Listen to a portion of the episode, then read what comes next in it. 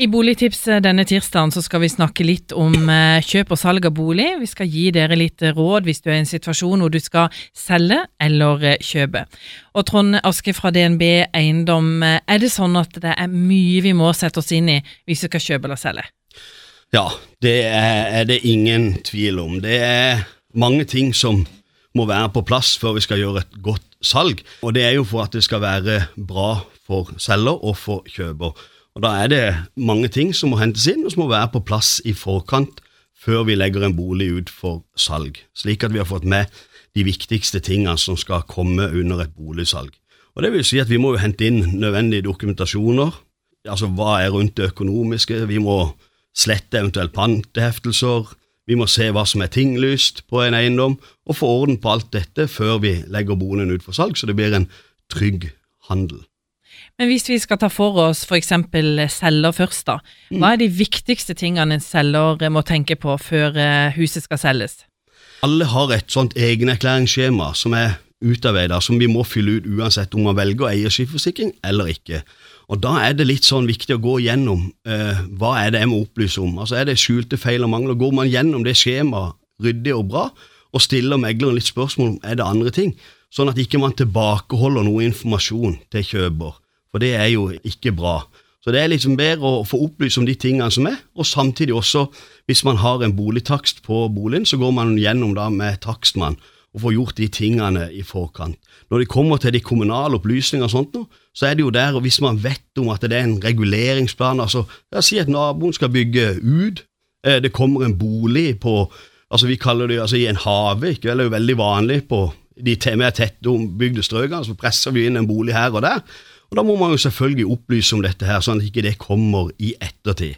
Har man andre rettigheter, så må jo de også komme fram. og Det kan jo være folk som har rettigheter på en veirett over din eiendom og sånt. De skal jo vi eh, oppdage, selvfølgelig, når vi ser inne. Men et godt samarbeid mellom selger og megler er veldig viktig.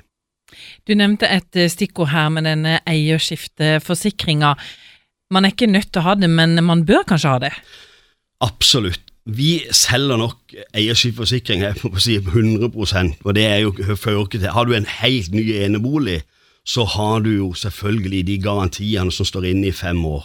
Eh, men har du en bolig da som er noen år gammel, eh, eller en leilighet, så anbefaler vi eh, eierskifteforsikring på boligen. Nettopp for skjulte feil og mangler. Er det sånn at den dekker det meste? Nei, altså det er jo det som mange vil ta litt feil av. Hva er en mangel? Eh, er det en vesentlig feil og mangel? Altså har du å si da, Vi har jo mange hus da fra 1970, både på Sømsland og på Lund og, og rundt forbi. Og Da er jo de boligene her nå 40-50 år gamle, og da må man jo påvente at noe kan skje. Det kan være et punktert vindu. Det kan være ei ytterdør som er litt treg.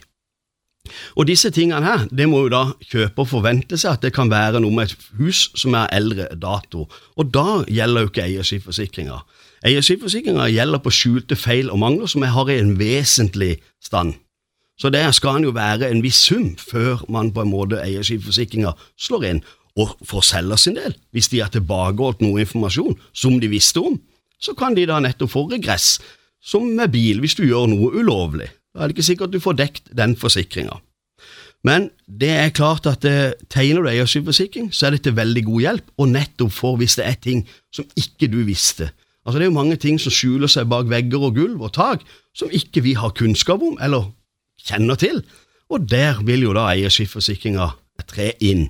Men det er ikke slik at den alltid gjelder. Hadde den skulle alltid gjeldt, så hadde den premien vært veldig, veldig høy. Men eh, hvis vi da går på kjøper, og når vi snakker om det vi gjør, så betyr det at kjøper må gå nøye gjennom det produktet han skal kjøpe, da? Ja, altså, kjøper har jo en undersøkelsesplikt, og det er klart at eh, når du kjøper en bolig, så bør du ta deg god tid og gå gjennom eiendommen og stille spørsmål til selger, sånn at du vet om hva som er i boligen. Det vi ser er at mange er på visning, og så går det litt for fort igjennom og ut igjen, og det kan være mange på visning, så det er ikke like enkelt for megler eller selger hvis han er til stede, og nettopp få gitt all informasjon eller det de spør om. Men alle feil og mangler med boligen skal jo sånn sett være opplyst om i salgsoppgaven, så lese salgsoppgaven nøye før visning, gjerne påvisning, og bruke god tid så eh, går dette stort sett greit. Alle vet jo om de kjøper en ny eller en gammel eiendom. Jo eldre den er, jo lettere er det for at det kan være noe man bør vite om, som kan komme som en kostnad. Men har du på en måte lov til å skal vi kalle det, ta deg litt til rette når du er på visning, og krype langs gulv og opp etter vegger og for å kikke på det du vil? Ja, det har du absolutt. Eh, når vi velger å kjøre visning, og det, eh, det er nok kanskje litt av det tøffeste for selgeren, nettopp det å åpne opp hjemmet sitt og slippe inn alle. Og det er klart at Noen er nok litt mer freidige enn andre. Vi ser nok at de, åpner veldig mye rart for å kikke. Men det å ta et øyekast opp på loftet, ja da vet man det. Ser man litt opp der og kanskje har med seg ei lykt, og kikke litt godt rundt og stille spørsmål. Men på de boligene der så er det jo ofte også en, eh, en tilstandsrapport, en boligsalgsrapport. Og da står man også fritt til å kunne ringe til takstmannen, og kan stille et par spørsmål der også. Men meste skal jo også være da opplyst om i salgsoppgaven. Og det å stille spørsmål er vel kanskje veldig viktig her, da? Ja, det er det helt klart. Å bruke litt god tid. Det er viktig når du skal ut og kjøpe hus. Altså Det er jo det største vi gjør, både som selger og som kjøper. Og Derfor er det veldig viktig å bruke eiendomsmegler, sånn at man får de tingene riktig ned at ikke det er noen fallgruver som vi kommer med da. Det kan være et situasjonskart som på en måte det står noe som skal komme fram, som man kan glemme. Vi snakka om dette i forrige program, dette med budrunde. Der er det jo lettere for en megler å kjøre, han har rutinen. Vi får sjekka ut om det er finansiering, få tingene i orden. Vi får også lagd et godt prospekt, og vi er med på markedsføring. Sånn som hos oss så har vi jo da noe som heter Smart solgt det er jo et fantastisk produkt som gjør at det, det blir mye mer synlig når man skal legge boligen ut for salg. Og Det er jo det vi ønsker at eh, flest mulig skal få sett. Jeg tror nok også noe som ikke er kanskje like mye kjent, men det er jo nettopp det å skal eh, gjøre klar boligen for salg. Og man er ikke alltid man er helt sikker på når den skal legges ut for salg. Og Da har vi noe som heter forspranget. Forspranget det vil si at du kan gjøre klar boligen din, la oss si om sommeren, vi vet ikke helt når vi skal selge, om det blir på nyttår, om det går ett år, men da kan du gjøre alt ferdig. Du kan ta bildene og blomstene Det blomstrer i haven, og det er fint ute. Og så har, Hvis du da velger å gjøre det til vinter, så kan vi bruke disse bildene samtidig og legge på et fint bilde da med snø. Så Da kan du oppleve å få det beste resultatet.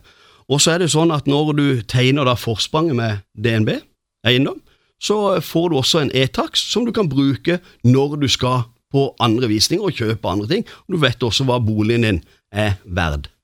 Men jeg tenkte på dette sånn avslutningsvis. Når du da har eh, kjøpt en bolig og du har eh, signert kontrakten, da er det vel heller ikke så mye, altså noe vei utenom, for da har du på en måte forplikta deg? Ja, altså det er jo sånn at den dagen du har fått aksept på budet ditt, da er handelen kommet i stand, og boligen er din. Og da trer megleren inn som en mellommann. Da er han eh, like mye for selger og like mye for kjøper. Så for kjøper sin del så har vi jo da kjøperforsikring, eh, som blir brukt ofte. Og det er jo en forsikring igjen mot eierskiftforsikringer eller boligselgerforsikringer som selger har tegnet. Eh, noen ganger så kan det være smart å tegne. Og Da kan man også høre litt med den megler, eh, med megleren som har boligen for salg, hvordan dette er, og så må man ta seg en helhetsvurdering oppi sin egen forsikring oppi hva den, bolig, øh, den kjøperforsikringa koster, om det er smart og kan tegne den. Og da Hvis du har gjort en god jobb da på, når du er på visning, øh, og har gått nøye igjennom, stilt de spørsmål, lest salgsoppgaven godt, og megleren har gjort en god jobb, så er dette en trygg og god handel.